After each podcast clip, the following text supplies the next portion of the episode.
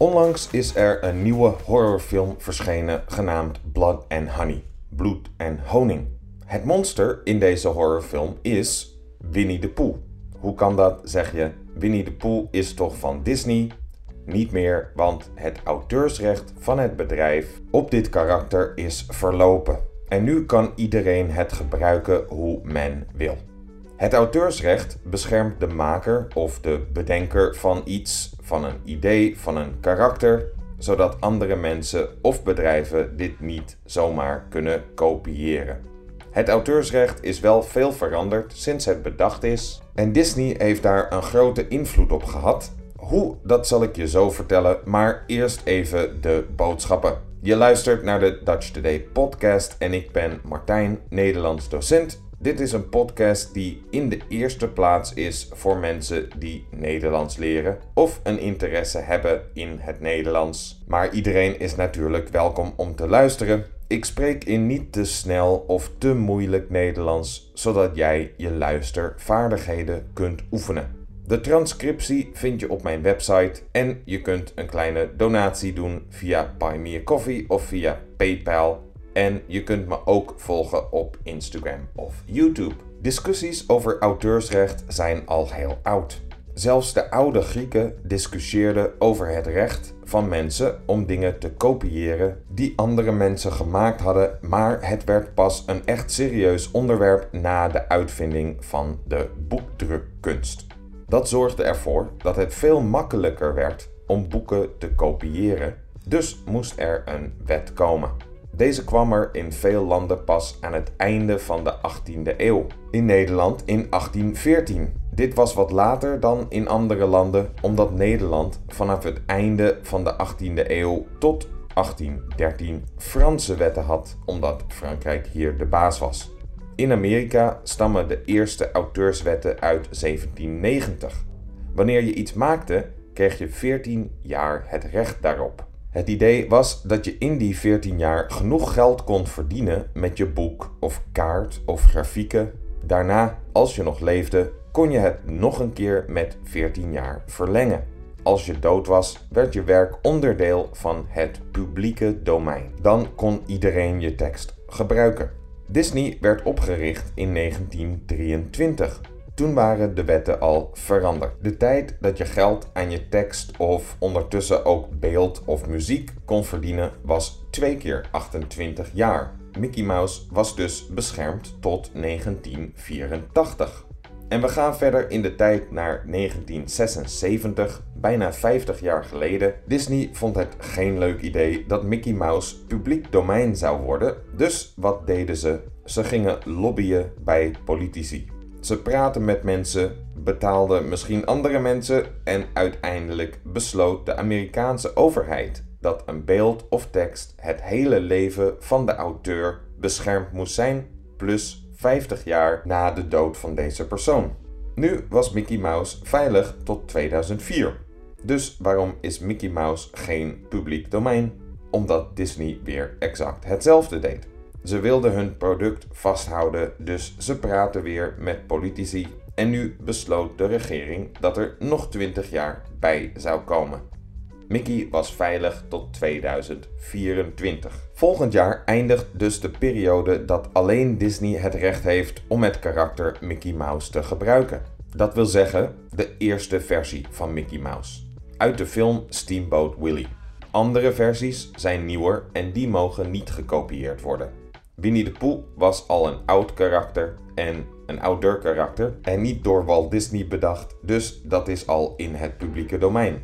Gaat Disney weer hetzelfde doen en de wetten van een heel land laten veranderen om vast te kunnen houden aan hun favoriete karakter? En is het goed dat een bedrijf zo de wetten van een heel land kan laten veranderen? Het antwoord op de eerste vraag is Waarschijnlijk niet. Disney heeft ondertussen zowel Marvel als Star Wars gekocht, dus ze hebben genoeg karakters om geld aan te verdienen. Karakters die populairder zijn dan Mickey Mouse of Winnie de Pooh. Het antwoord op de tweede vraag, of het goed is of niet dat een bedrijf zoveel invloed kan hebben, is ingewikkeld. Disney zegt dat het haar karakters moet beschermen omdat ze zo genoeg geld kunnen verdienen om te kunnen investeren in nieuwe karakters en ideeën. Dit vind ik een beetje vreemd klinken. Ik denk niet dat Disney zo arm is dat ze zonder Mickey uh, geen geld kunnen investeren. Als een bedrijf invloed kan hebben op de politiek, wil je natuurlijk wel dat dat bedrijf de beste bedoelingen heeft.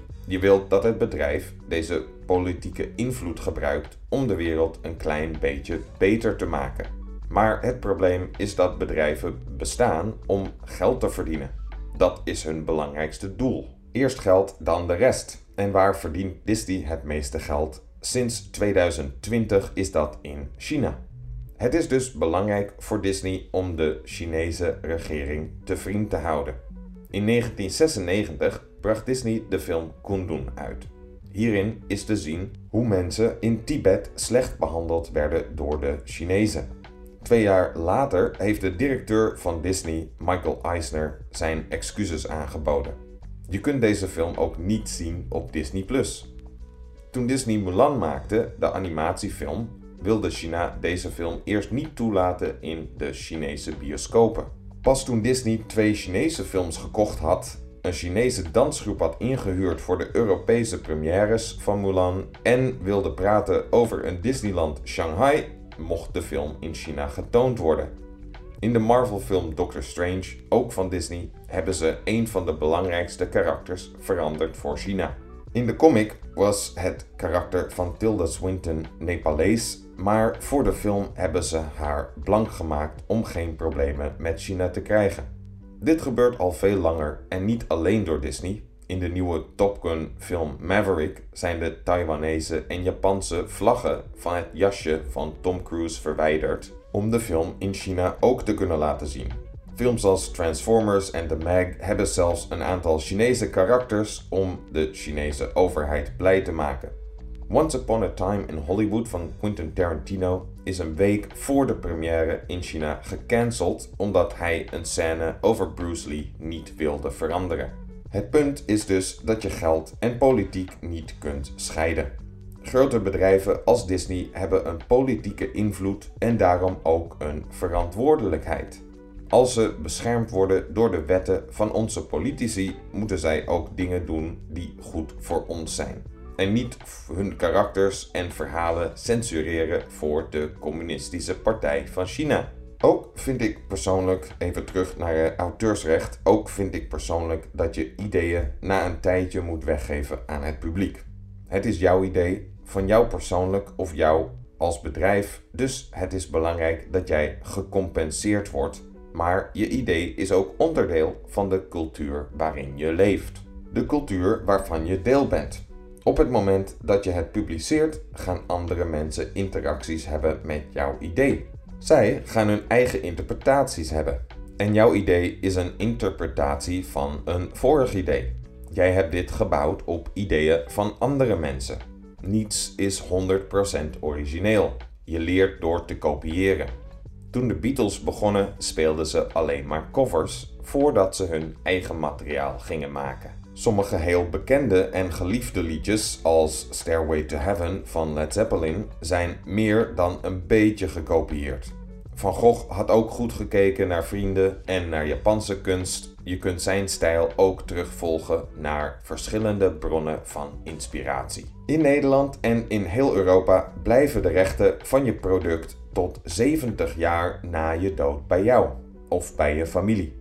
Sommige auteurs kiezen ervoor om helemaal geen rechten op hun werk te nemen. Zij laten hun werk direct toe in het publieke domein. Dan kan iedereen hun werk dus gebruiken voor podcasts of voor YouTube bijvoorbeeld. De muziek die ik gebruik voor de podcast bijvoorbeeld, eh, zolang ik de naam van de artiest vermeld en de website waar ik het vandaan heb, mag ik het gratis gebruiken. Als je zelf dit soort muziek wilt gebruiken, kun je op Google zoeken naar auteursrechtvrije muziek of foto's. En niet alleen arme YouTubers en podcasters zoeken naar gratis materiaal om te gebruiken. Ook in veel reclames hoor je muziek uit het publieke domein. Bekende muziek gebruiken kost veel geld, dus daarom kiezen veel bedrijven ervoor om gratis muziek te gebruiken zonder auteursrecht. Toen ik jonger was, ben ik gevraagd in een reclame te acteren van een bedrijf dat hypotheken uitleent. Ik moest gitaar spelen en een liedje zingen. En dat liedje was House of the Rising Sun. Ze hadden dit liedje gekozen omdat ze dit gratis konden gebruiken. En omdat ik het zo mooi kon zingen natuurlijk, uh, ik ga de link niet bijvoegen, dat moet je zelf maar zoeken op YouTube, waar je mij ook kunt vinden. Veel succes! Doei!